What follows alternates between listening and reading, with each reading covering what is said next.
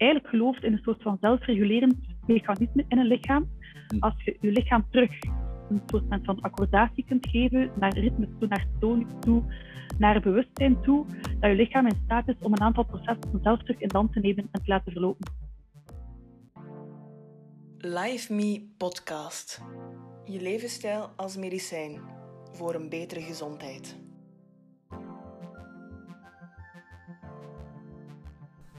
Welkom bij de Live Me podcast.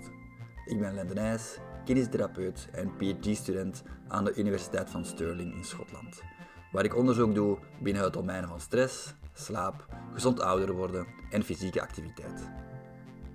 Samen met het Live Me team zet ik me in om bewustwording te creëren rondom de bewezende herende kracht van de levensstijlgeneeskunde. Deze aflevering heb ik een gesprek met Dominique Bourgeois over fascia. Ik wil antwoorden krijgen zoals wat fascia net is, waar zit het en voor wie is dit belangrijk? Kunnen faciale structuren in ons lichaam een antwoord bieden op zowel mechanische als psycho-emotionele stressproblemen? Dominique vertelt hoe de fascia-wetenschap en de fasciatherapie een aanzet kan geven om chronische klachten aan te pakken, waar de huidige klassieke geneeskunde momenteel geen antwoord op heeft, met zo'n lokale, vrij symptomatische aanpak zoals bijvoorbeeld chronische pijn na operaties, terugkerende of onverklaarbare spier- of gewrichtsklachten, drainageproblemen, tot zelfs angst, syndromen en hyperventilatie. Ze is ervan overtuigd dat je je gevoel van welbevinden kan verhogen door bewust te worden van je eigen bewegingen. Ze vertelt ook dat wanneer je stress interpreteert binnen een bepaalde context, dat verhoogde stress niet noodzakelijk altijd negatief hoeft te zijn. Dominique neemt je moeiteloos mee op een fantastisch boeiende reis doorheen ons lichaam, gericht op ons fasciaal systeem. Ik hoop dat je deze aflevering leuk zal vinden. Hier komt mijn gesprek met Dominique Bourgeois.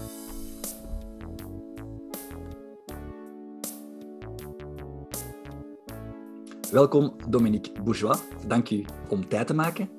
Um, vertel eens even wat je doet en dan kunnen we zo meteen beginnen met uh, in te duiken in de wereld van fascia. Dank u wel voor de uitnodiging, eerst en vooral. Ik ben dus uh, Dominique Bourgeois. Ik ben um, en manueel therapeut van opleiding. En ik ben eigenlijk vrij snel gebotst op een uh, aankondiging over de opleiding fasciotherapie methode Danibois. Um, en na vier jaar was ik daar afgestudeerd, ben ik ook direct in de praktijk mee aan de slag gegaan. Ondertussen geef ik daar ook les in dynamische anatomie en het concept van de biosensitiriteit is echt wel mijn, mijn passie, kunnen we wel zeggen. Um, en ik maak ook nog deel uit van het bestuur, dus eigenlijk alle dingen die ik doe, hebben te maken met fasciatherapie. Cool, interessant. Um, ik weet al wat fascia is en steeds meer mensen die van zo'n medische opleidingen afstuderen, die hebben daar nu al weet van. Maar eigenlijk, denk ik, tien jaar geleden zelfs eigenlijk nog niet. Dat wordt steeds populairder. Kan je voor de mensen die er nog nooit van hebben gehoord, of zo, maar misschien maar eventjes uh, ergens hebben gehoord, kan je even uitleggen wat dat net is? Als ik het heel simpel mag stellen, want dan ga ik wel nogal korter de bocht, kun je het fascia-weefsel beschouwen als uh, heel veel wat dat min of meer elastisch is in je lichaam.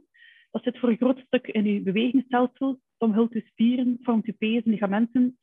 Eigenlijk is dat botbindweefsel, alleen dat is hetzelfde als een pees, maar er zit gewoon heel veel kalk op, of, of bindweefsel met heel veel kalk op, waardoor dat, dat dan een bot vormt.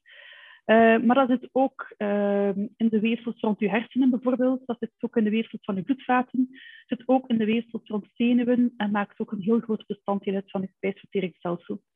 En eigenlijk kunnen we stellen dat de opsplitsing die ik nu maak in die vier verschillende domeinen is ook weer artificieel, want het is allemaal met elkaar verbonden. Ja. En met eenzelfde soort eigenschap, vooral de elasticiteit en het reageren op prikkels op een gelijkaardige manier. Mm. Als je zegt, dat maakt deel uit van hoe kan ik dat dan visualiseren? Kan ik dat, kan, allez, want ik, ik, heb eens gehoord dat Vesalius, de, de grondlegger van, laten we zeggen, de dissectie, dat die eigenlijk gewoon los door de fascia sneed, dan aan de spieren te komen. Maar als je dan, dat begrijp ik, want dat is gewoon mijn arm snijden en dan kom ik wellicht fascia tegen. Maar als je dan zegt, zit in uw, rond uw ingewanden of in uw hersenen of brein, of hoe, ja. hoe is dat dan net? Uh, ik denk een driedimensioneel spinnenweb is misschien geen slechte, geen slechte vergelijking. eigenlijk, als je het een beetje, een beetje uh, robuuster wilt stellen, kunnen we bijna zeggen dat wij een zak bindweefsel zijn met heel veel vulling van bindweefsel die in vorm gehouden wordt door onze botstukken. En dus in de grote holtes van, dan in de kleine holtes van bindweefsel, of die door bindweefsel gevormd worden, er dan organen terugvinden, of spiervezels terugvinden, of je oogballen in terugvinden en zo verder. Hmm.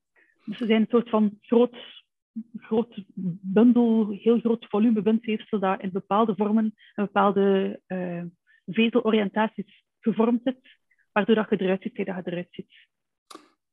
Oké, en waarom is dat dan net belangrijk? Of ja, want als we, we zijn daarmee geëvolueerd, dus wellicht heeft dat een heel cruciale uh, functie in ons zijn of in ons bewegen. Ja?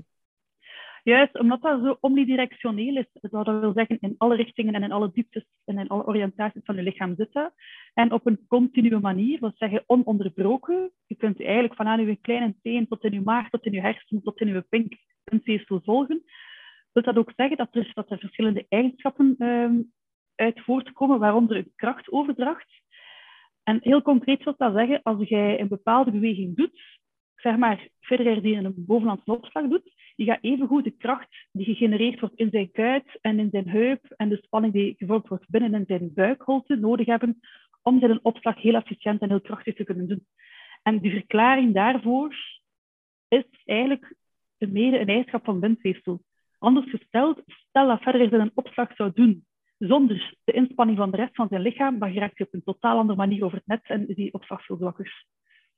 Dus naar ons dagelijks bewegen kunnen we eigenlijk aannemen dat uh, naar uw structuren toe en naar uw krachtproductie toe veel efficiënter is en, en gebruiksvriendelijker als je in elke beweging zoveel mogelijk de globaliteit van uw volledig lichaam kunt gebruiken. En in onze maatschappij zitten wij heel veel, en eigenlijk de, activiteit, of de activatie in ons lichaam is veel minder groot dan pakweg 100 jaar geleden, als we wel nog boeren waren. Um, wat dat ervoor kan zorgen dat een aantal uh, activaties of, of krachtoverdrachten of functioneringen veel minder efficiënt verlopen. En wij als patiënten merken we dat ook, dat we eigenlijk gaan proberen van alle delen van je lichaam terug te activeren op gelijk welke manier in beweging of in, in metabolische processen. Wat is er dan net belangrijk aan om een goed faciaal weefsel te hebben, buiten dan een opslag te kunnen uitvoeren zoals Federer? Ja, mijn opslag van een Federer was inderdaad wel misschien een beetje uh, echt al uit de comfortzone van de meeste mensen.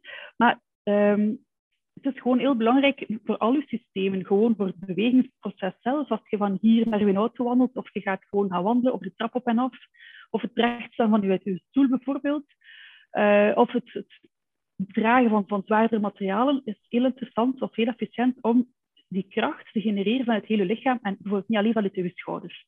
Mm. En stel dat je dat niet meer kunt doen, om god weet welke reden, dan is er een heel grote kans dat je schouderspieren gaat overbelasten, bijvoorbeeld. Of dat je rug gaat overbelasten, of dat je knie gaat overbelasten. Dat is dan vooral het gevolg naar je bewegingsstelsel toe. We merken ook dat er op andere domeinen dan ook impact is. Mensen krijgen last van een spijsvertering, bijvoorbeeld, krijgen concentratiestoornissen, slaapstoornissen. Soms zien we dat zelfs op hormonaal vlak ook, dat er verstoringen zijn van ritmes. Dus we merken dat een, een verstoring van activiteit of van eigenschappen van je bindweefselnetwerk zich uit op verschillende domeinen de ene al wat meer dan de andere en soms op alle domeinen tegelijkertijd. Ja, um, nu bedenk ik me net, ik heb over het laatst een podcast gedaan over uh, lymfe. Is de lymfe deel van het faciaal systeem of zit dat daarin? Dat is daarmee verweven, alleszins. En wij binnen onze opleiding aan onze studenten bieden wij ook het luikje aan van de drainage. Zoals lymfedrainage bestaat ook een soort drainage op de manier van Mathieu Danibois waarbij dat we eerder het lichaam terug, zijn ritme zullen teruggeven, waardoor het lichaam het zelf kan doen, in plaats van dat wij het vocht gaan verder pompen in het lichaam. En dat is eigenlijk een eigenschap waar ik nog niet over gesproken heb, um, die, was, die eigen is aan de methode Danibois, maar ook aan andere strekkingen, die eigenlijk gelooft in een soort van zelfregulerend mechanisme in een lichaam. Hm. Als je je lichaam terug een soort van accordatie kunt geven, naar ritme toe, naar toon toe, naar bewustzijn toe, dat je lichaam in staat is om een aantal processen zelf terug in hand te nemen en te laten verlopen. En dat is wat we dan proberen bij drainage bijvoorbeeld, om het lichaam zelf terug het ritme aan te geven en zelfs de tonus te reguleren om het vocht te transporteren doorheen het lichaam. Oké.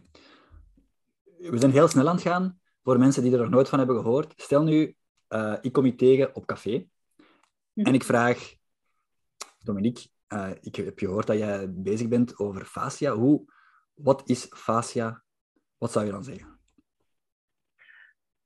Mijn eerste antwoord is altijd, heb je een kwartiertje tijd? Om dat uit te leggen op vijf minuten vind ik wel niet zo evident. Uh, als ik het heel kort en bondig moet zeggen, ga ik ervan uit dat... Allez, ga ik de eigenschappen opzommen, dan is fascia een elastisch materiaal in je lichaam dat zich van kop tot teen en in alle dieptes uh, bevindt. Dat je lichaam letterlijk verbindt van kop tot teen en dat een gelijkaardige eigenschap heeft op elke vorm van stress. Um, waardoor dat de impact van overbelasting of van pathologie of van eigenlijk alles wat je tegenkomt zich op verschillende manieren kan uiten. Zowel in bewegingsproblematieken als op psycho-emotioneel vlak of metabolische processen als spijsvertering, uh, slaapvaakritmes en zo verder. Hmm. En de rol van fascia bestaat daarin dat eigenlijk processen gereguleerd worden, dat krachten overgedragen worden, dat er uh, een soort van signaalfunctie is naar de hersenen toe om informatie te geven vanuit het lichaam naar het brein en dat het brein prikkels of antwoorden kan geven via dat bindweefselnetwerk naar de rest van het lichaam. Ja, oké. Okay. Dat maakt het al heel wat duidelijker voor mij, dank u. Um, als we nu even teruggaan naar die opslag van Federer, dat is bij hem duidelijk totaal uh, automatisch. En als je hem zou filmen, dan zou je eigenlijk zien dat die, zijn raket bijna standaard op dezelfde plek blijft sta, uh, gaan. Um, dat ik dus dan bij spiergeheugen, denk ik. Maar hoe kun je dus een soort van beweging eigenlijk gaan automatiseren? Is dat enkel en alleen fascia? Of, of wat, doen, wat doen spieren nu net? Of waar, zit het, waar komt het spiergeheugen dan net vandaan? Um, ik wacht even over nadenken. In die zin dat bewegingen op zich worden aangestuurd vanuit het brein. In die zin dat je brein geen signaal zal geven naar een individuele spier van nu moet je werken, maar dat je brein een doel in de ruimte zal, zal zich focussen op een doel in de ruimte, waarna dat je lichaam zich zal organiseren om dat doel in de ruimte te bereiken. Dus heel concreet, als ik een tas uit de kast wil nemen, dan weet ik van die tas staat daar ongeveer op die hoogte. Mm. Dan zal heel mijn lichaam zich organiseren om met de juiste kracht, de juiste snelheid, uh, de juiste rotatie, de juiste aanspreking van spieren, die tas uit de kast te nemen en aan mijn mond te zetten, dat ik kan beginnen drinken. Nu, als je dat wil beginnen trainen, dan doen wij dat binnen de fasciatherapie eigenlijk vanuit heel trage bewegingen, waarbij dan de patiënt heel goed leert voelen wat dat de juiste richting is. En als hij zich focust op dat doel in de ruimte, dat hij ook voelt dat zijn lichaam zich naar aanpast. Meer dan dat je de oefening 30, 40 keer gaat herhalen zonder eigenlijk bewust te hebben van je lichaam. Dus is dat enkel spiergeheugen? Nee, uw brein heeft een heel belangrijke functie in de automatisering van bewegingsprocessen en uw bindweefsel speelt daar ook een heel belangrijke rol in, omdat dat bindweefsel net de informatie zal geven over de rek en de druk die het ondervindt, over de torsie die het ondervindt, over de, de, de kracht die erop uitgeoefend wordt.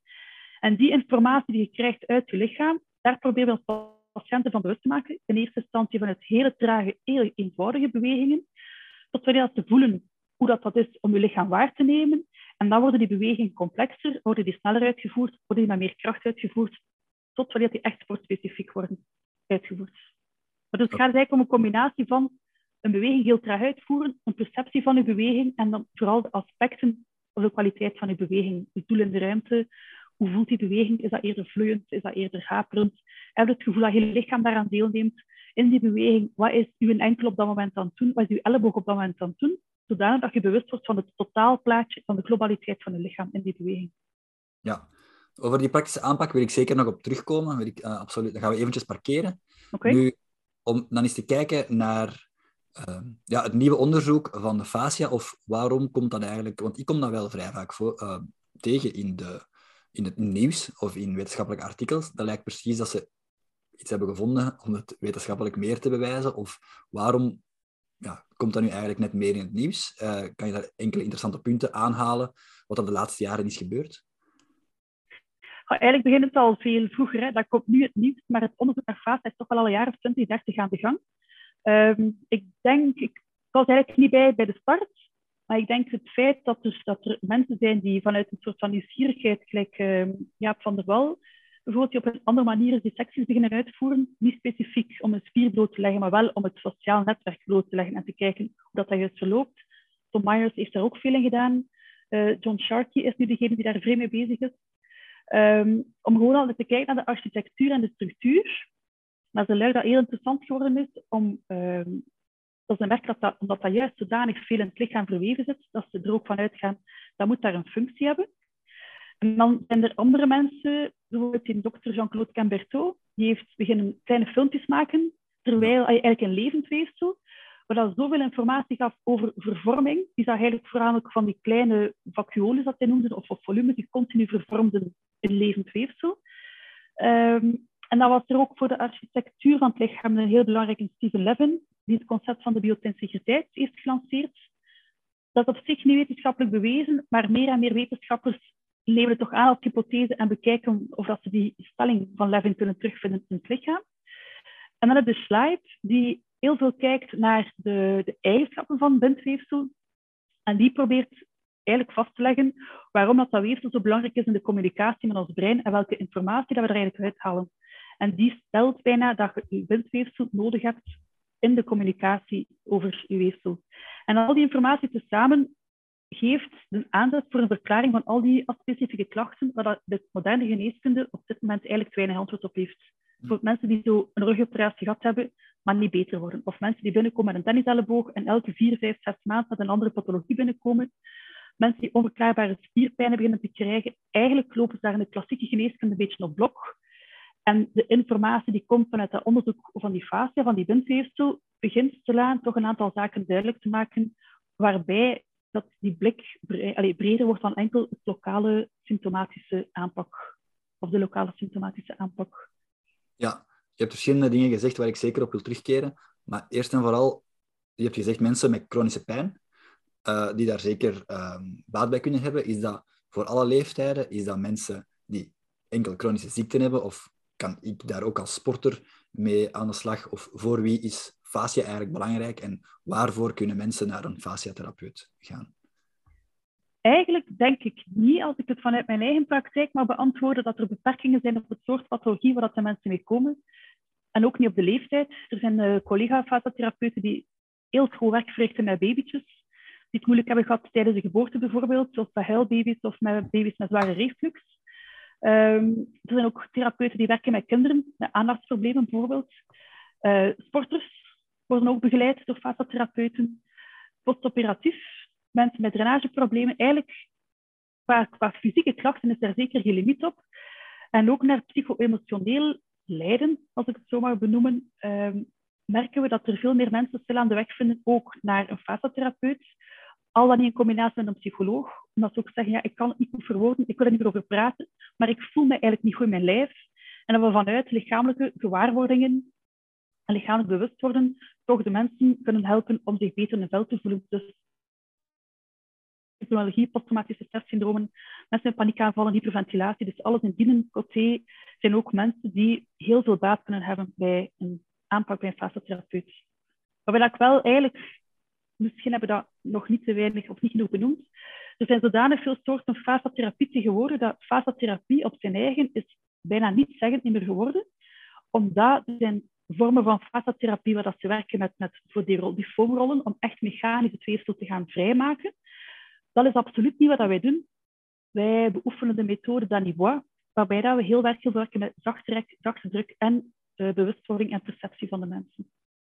Ja. Het is over die vorm dat gaat. Oké, ik zou het zeker nog willen hebben over uh, die biotensiviteit en de psycho-emotionele uh, aandoeningen. Dus eerst biotensiviteit.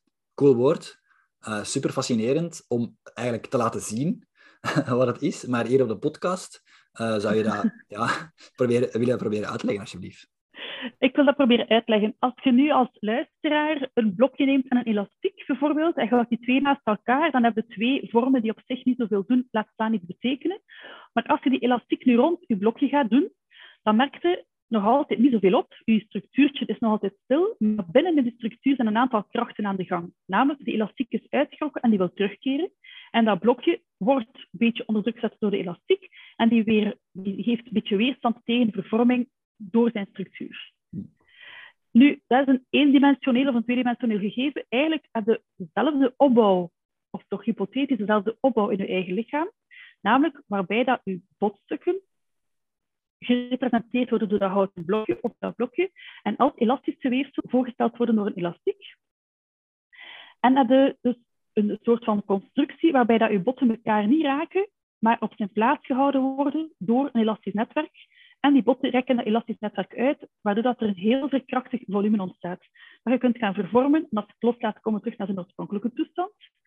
Um, en waarbij dat je ook ziet, als je in dat volume, een basisstructuur bestaat uit zes van die stokjes, dat is een icosaeder, als je dat zou willen opzoeken.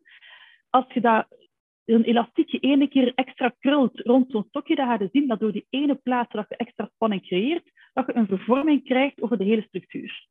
Ja. Wat dat eigenlijk aantoont dat als je ergens een te grote spanning hebt of ergens een, een, een spanning die mogelijk pathologisch is, dat dat gevolgen heeft over de hele structuur, dus over het hele lichaam. En dat je op andere plaatsen in je lichaam, het zijn je bewegingsstelsel, het zijn het uh, spijsverteringsstelsel, het zijn op bloedvatniveau, maakt op zich niet uit. Maar dat je dus op een andere plaats in je lichaam daar een al dan niet negatief effect van kunt ondervinden. Het kan zijn dat die oorspronkelijke plaats, dat je daar geen last van krijgt, maar dat je na drie, vier maanden pijn krijgt aan je enkel, omdat ergens je maag in een kramp is gezeten na een maagzeer bijvoorbeeld. En dan is als fasciatherapeut goed om te weten dat je eigenlijk met een biotensiegrale structuur aan het werk bent, dat je dus je aandacht kunt richten op de rest van het lichaam om de oorzaak te gaan zoeken. Ja, kan je eigenlijk een beetje voorstellen als, hè, als ik in een spinnenweb en ik trek daar aan één draadje, dan trekt eigenlijk heel dat, dat spinnenweb zo een beetje schuin mee. En dan kan je dan bekijken als soort, ja, als dat je lichaam zou zijn, dat je dus aan de ene kant iets kan voor hebben, maar het eigenlijk in, het andere, in een andere kant het, het resultaat zou vinden. Voilà, maar dan driedimensioneel. Ja, oké. Ehm, we zijn een paar luisteraars kwijt, denk ik. Want je zei ineens, botten raken elkaar niet. Uh, hoe zit dat dan net? Zweven die door elkaar? Um, ja. Ah, wel, als je gewoon, iedereen heeft denk ik ondertussen al ooit een keer naar iets gezien. Als je een X neemt van een persoon, dat is echt een foto van die botten, die, en die persoon staat, dan ga je altijd plaats zien tussen bijvoorbeeld je bot van je onderbeen en botten van je bovenbeen. En dat is normaal. Dus je knieschijf vangt daar nu wel voor, maar je hebt altijd plaats daartussen. Ook al staat er recht. En zouden verwachten dat door het gewicht van je eigen lichaam dat die botten op elkaar zijn, dat is niet zo. Er is altijd plaats. En dokter Levin onder andere is dat ook onderzocht. En het is eigenlijk op die manier dat hij tot die constatatie is gekomen van wij zitten anders in elkaar. Hij heeft bijvoorbeeld um, tijdens de ik denk dat nog in zijn eigen knie was ook, gevraagd van kijk, geef mij een epidurale dat ik wakker kan blijven tijdens die ingreep. Hij was volledig verlamd in zijn benen en heeft toen gevraagd van duw een keer mijn onderbeen, het bot van mijn onderbeen tegen het bot van mijn bovenbeen. Want als ik verlamd ben, werken mijn spieren niet meer en zou het in principe in theorie moeten mogelijk zijn om die botten tegen elkaar te krijgen. En dat lukte niet. Daar hebben ze met mannenmacht op staan duwen, dat is niet gelukt. Dus daaruit concludeerde hij, eigenlijk is er een kracht in ons lichaam die die botstukken op zijn plaats had en uit elkaar houdt. En dus dat is eigenlijk het ding, het botstukken raken elkaar niet. Het is als ze elkaar bijna te raken dat je een gigantisch probleem krijgt. Maar in gezond bindweefsel is dat bindweefsel in staat om vanuit de elasticiteit die botstukken op zijn plaats te houden en die botten tegelijkertijd rekken uw pezen en uw spieren op. De oorsprong zit daar vooral in de embryologie. We hebben niet te weinig tijd om daarop in te gaan, maar je ziet dat botten eigenlijk als een klein eilandje in uw embryootje willen te groeien. De eerste hele korte periode zijn ze gewoon heel floppy weefsel als embryo. En geleidelijk aan beginnen daar kleine stukjes in te verbenen. En dan zie je zo echt eilandjes van bot in een zee van bindweefsel. Ja. Oké, ik ben het me eventjes aan het voorstellen. Dus um, alleszins de, het feit dat je een, iets zwart ziet tussen je witte botten op een skin, het, het zwart is eigenlijk, ja... Dat is eigenlijk, hè? Ja, ja. Het fascia, de fascia zit er eigenlijk in en rond. Dat zit eigenlijk rondom heel dat gewricht dan en ook in, het, in, het, in de gewrichtspleet? In een gewrichtspleet, ja, ja, op manier wel. het vlies rond je bot is ook spiros, is ook bindweefsel en maakt ook deel uit van een gewrichtspleet. Uh, dus het kapsel rond je botten, uh, er loopt een pezen door. Dat is daarom ook dat uh, Jaap van der Wal bijvoorbeeld die spreekt van een periarticulair bindweefselapparaat, waarbij dat je eigenlijk gewoon een hele bundel van bindweefsel als één functioneel gegeven neemt en die bundel wordt opgebouwd door alle pezen die passeren, door uitlopers van ligamentaire structuren van kapsels, omdat daarin ook die krachten rondgestuurd worden in alle richtingen. Ja. Oké. Okay. Laatste, nu dat we toch bij de knie zijn. Um, als er, ze hebben dat, ik denk dat ze rugbyspelers hebben gedissecteerd en dan zagen ze dat die in lateraal ligament omdat die zoveel pivoterende bewegingen moeten doen van links naar rechts, dat dat lateraal ligament echt drie, vier dubbel zo dik is als een sedentair persoon. Mhm. Wat wil zeggen dat ligamenten ook trainbaar zijn? Is dat door de fascia dan? Je lichaam is sowieso zeer aanpasbaar en wordt eigenlijk... Ja, je lichaam past zich aan in functie van de belasting of van, van, van de taken die het moet uitvoeren. En dat begint al als je als een baby begint te groeien.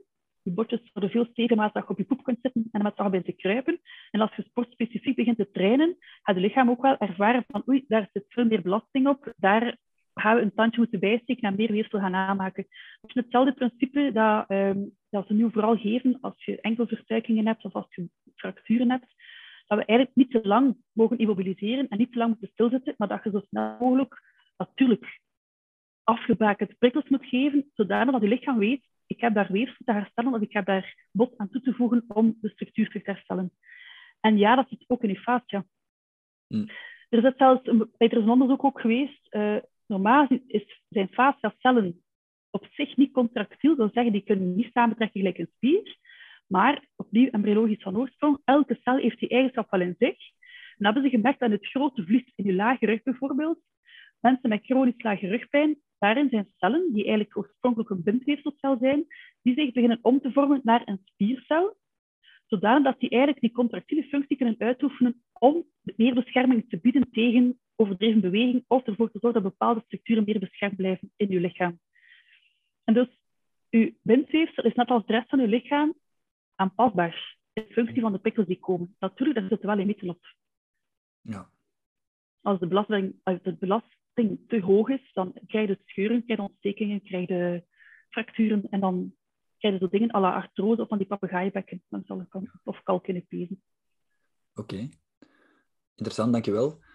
Als we dan even verder gaan dubbelklikken op die psycho-emotionele uh, klachten en fascia, dat is eigenlijk iets helemaal anders. Dus we hebben het nu vooral gehad over ja, biomechanisch model, over dat fascia echt goed is voor bewegingen, bewegingcontrole en uw bewegingsperceptie misschien wel. Uh, wat heeft dat te maken met dan die psycho-emotionele um, factoren en niveaus?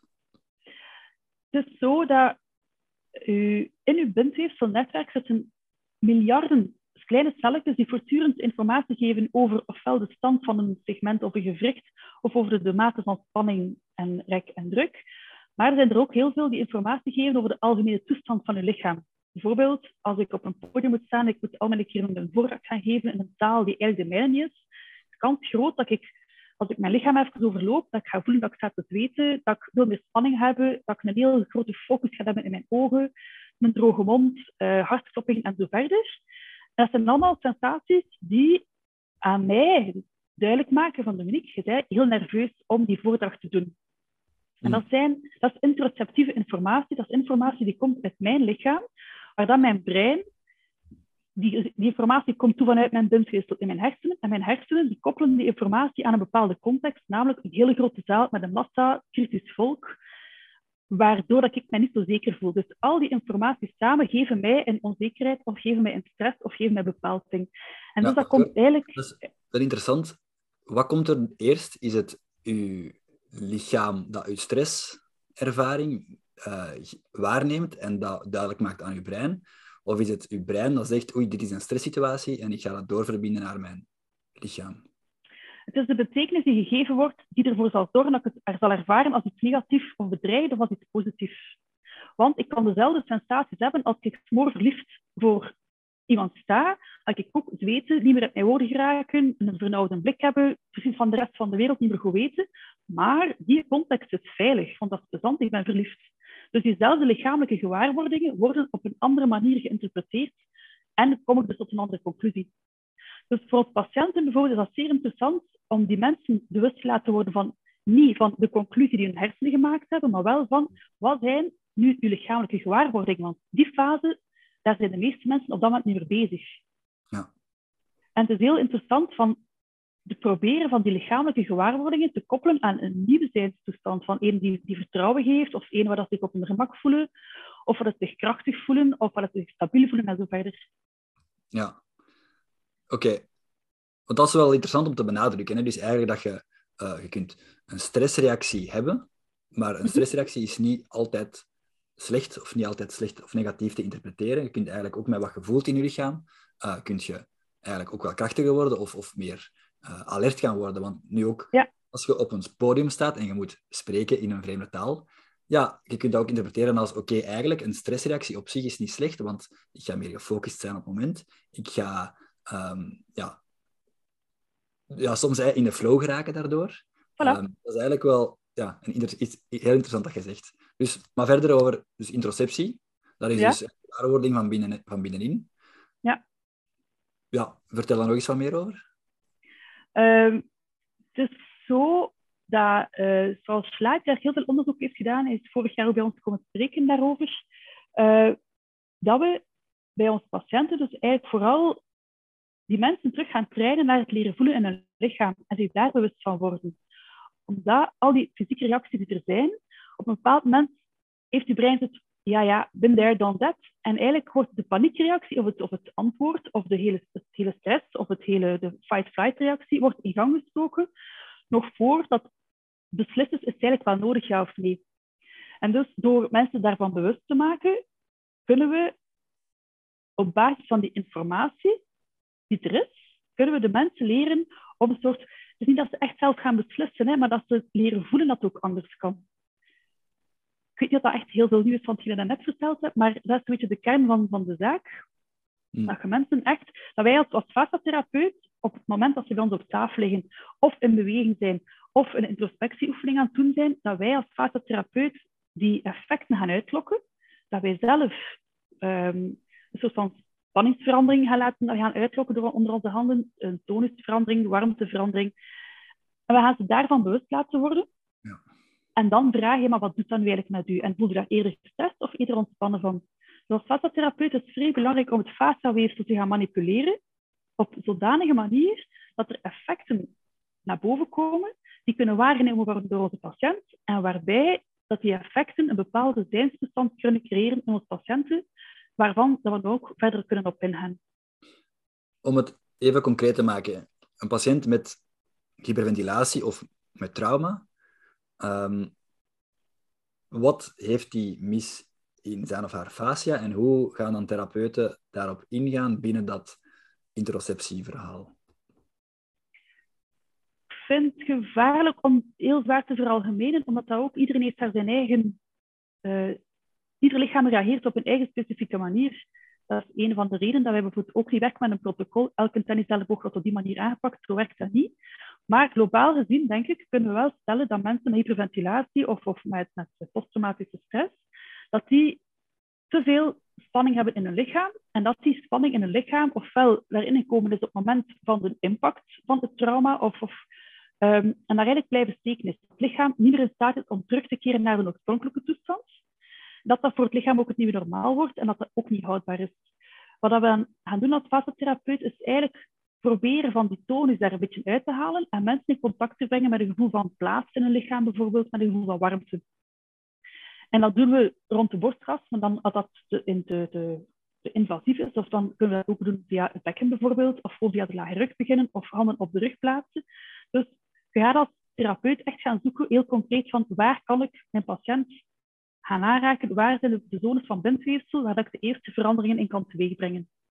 Mm. En bij die hyperventilatiepatiënt is de zone van de ademhaling, dus de borstgas eigenlijk, heel dikwijls een zone, als je daaraan komt, dat eigenlijk de stressreactie nog gaat verhogen. Dus je probeert een manier te vinden om het lichaam te gaan benaderen zonder een nieuwe stressreactie uit te lokken. Want dat nieuw onderzoek van Schleip toonde aan dat wanneer dat je dus dat de fascia eigenlijk rechtstreeks in verband staat met je emotioneel centrum. Als je dat goed voor hebt, of meer met je vagus of met je, met je parasympathisch systeem. Je parasympathisch systeem, je nervus vagus, is eigenlijk de grootste zenuw die vooral die interoceptieve informatie zal transporteren naar je brein, waar dat dan gaat verwerkt worden. En het limbische systeem is het inderdaad het deel in je hersenen waar de emoties verwerkt worden, maar dat is altijd samen met andere zones. Een herinnering of, of een indruk wordt gemaakt samen met informatie die ook op andere zones ehm, binnenkomt. Dus ja, uw, limbisch, uw parasympathicus is, hoe ik het zeggen, uw parasympathisch systeem is eigenlijk het deeltje van ons, ehm, autonoom zenuwstelsel, dat Mhm. eerder ervoor zal zorgen dat je lichaam terugkeert naar de rusttoestand. En je nervus vagus is dat een belangrijkste in. Ja. En dat staat in tegenstelling tot je orthosympathisch systeem, dat eerder gaat zorgen voor een fight-and-flight reactie. En normaal zijn die twee in balans. Uh, en in stresssituaties of bij posttraumatische stresssyndromen ga je merken dat in een orthosympathicus heel zwaar aan het werken is, dat die parasympathicus dat eigenlijk niet meer geraakt om dat systeem deftig te dempen. Dus dan gaan we door middel van het behandelen en echt manipuleren op een zachte manier van het bindweefsel, gaan we informatie kunnen uitlokken die ook impact zal hebben op ortho- en parasympathicus. Mm. Want als in je brein informatie toekomt over een grotere hoeveel warmte, over een ontspanning, dan zijn dat bronnen van informatie die niet gelinkt worden aan een orthosympathische reactie, maar eerder aan een parasympathische reactie. Mm. En op die manier gaan we proberen van die ortho en para een beetje in balans te brengen. Oké. Maar dat werkt vooral als mensen bewust worden of eigenlijk mee betrokken zijn in het proces van het uitlokken van de reacties. Hey, zometeen terug voor meer, maar eerst zou ik willen meedelen dat het Live Me-congres weer voor de deur staat. Op 24 november organiseren we aan de VUB een avondsymposium genaamd Elk jaar jonger, de wetenschap van veroudering en verjonging. Het symposium focust zich vooral op de nieuwste wetenschappelijke ontwikkelingen om langer gezond te blijven door veroudering te gaan aanpakken. Moeten we veroudering als ziekte beschouwen? Hoe kunnen we veroudering vertragen of zelfs omkeren? En welke interventies kunnen we vandaag al doen of kunnen we in de nabije toekomst verwachten? Meer weten? Ga naar liveme.be slash symposium. Tot dan.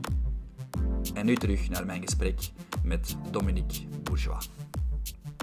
Als we dan verder gaan binnen de bepaalde protocollen dat ik in mijn dagelijks leven kan toepassen om met fascia aan de slag te gaan of om mijn ja, fascia een beetje leven te geven. Wat zou, wat zou jij dan aan mij of aan de luisteraar meegeven van oké, ga stretchen, ga meer traag bewegen, cru gezegd. Wat is dat net? En ook voor de sporters of voor mensen die ook workouts of die echt een sport doen, is dat dan het beste doen voor of na een workout? Of waar in mijn dag of in mijn planning, in mijn trainingsschema moet ik dat eigenlijk steken?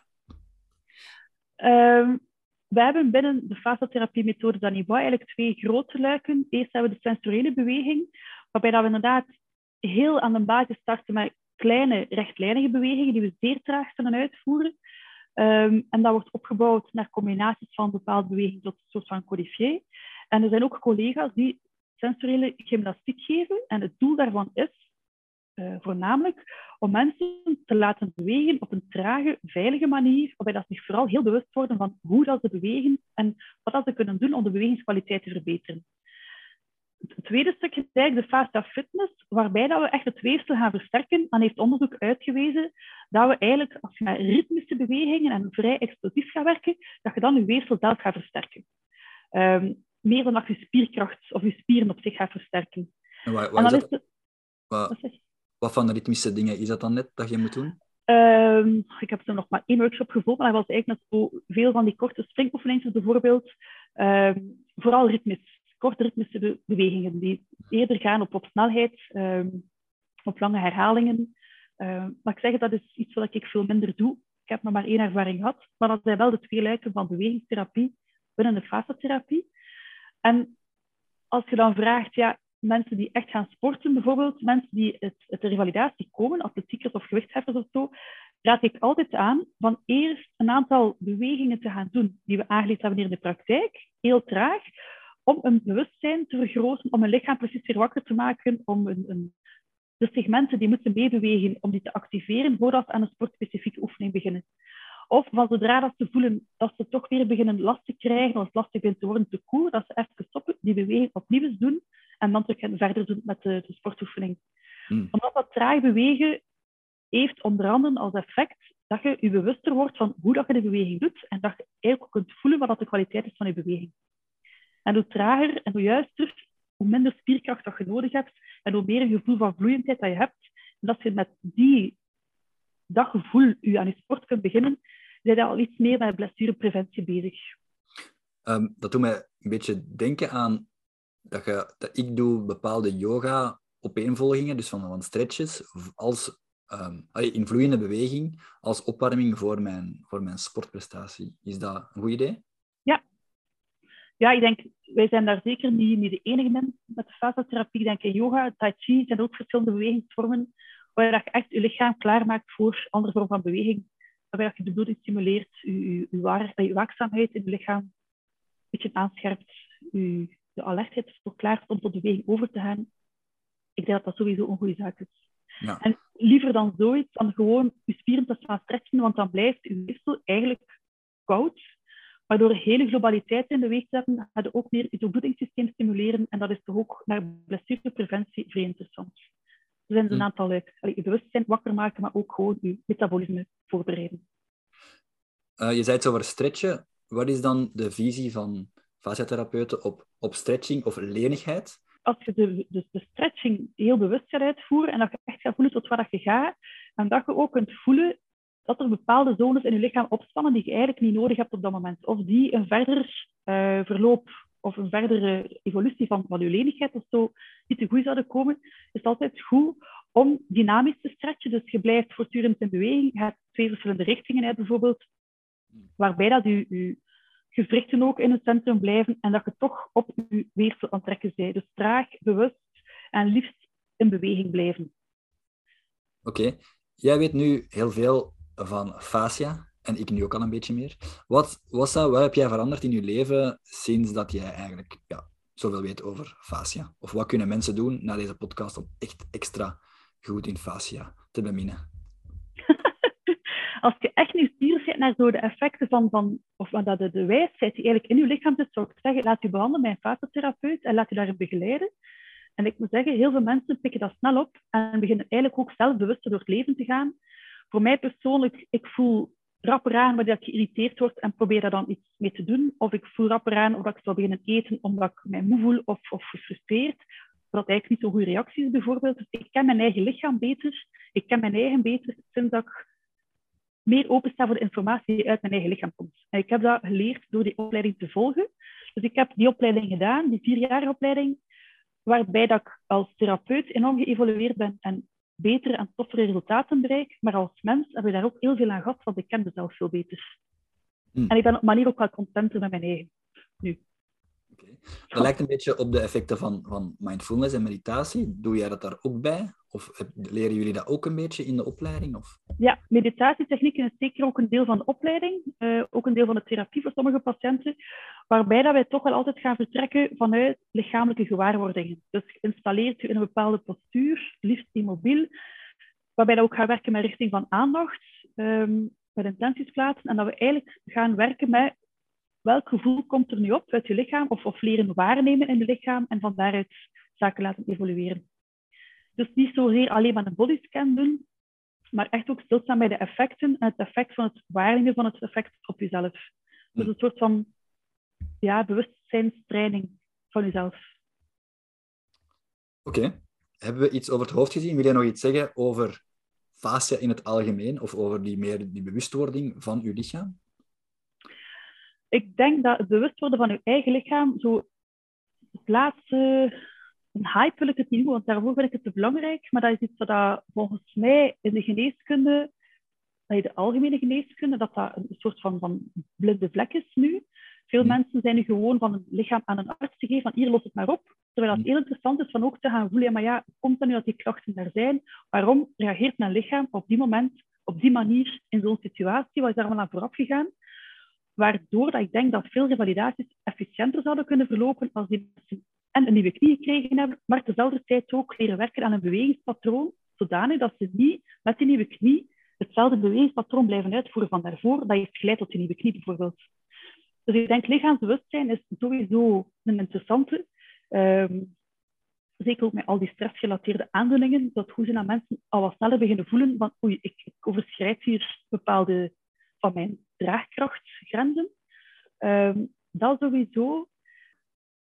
Ja, en ook het, enige moeilijke is aan die fascia, aan, de, aan die, die, die op zich, is dat dat zeer moeilijk wetenschappelijk aan te tonen is. In die zin, je hebt wel alle onderzoeken die aantonen dat fascia-weefsel die en die en die eigenschappen heeft en dat die hypothese van die anatom anatomische constructie zal waarschijnlijk wel kloppen, maar moet ook nog wetenschappelijk uh, bewezen worden.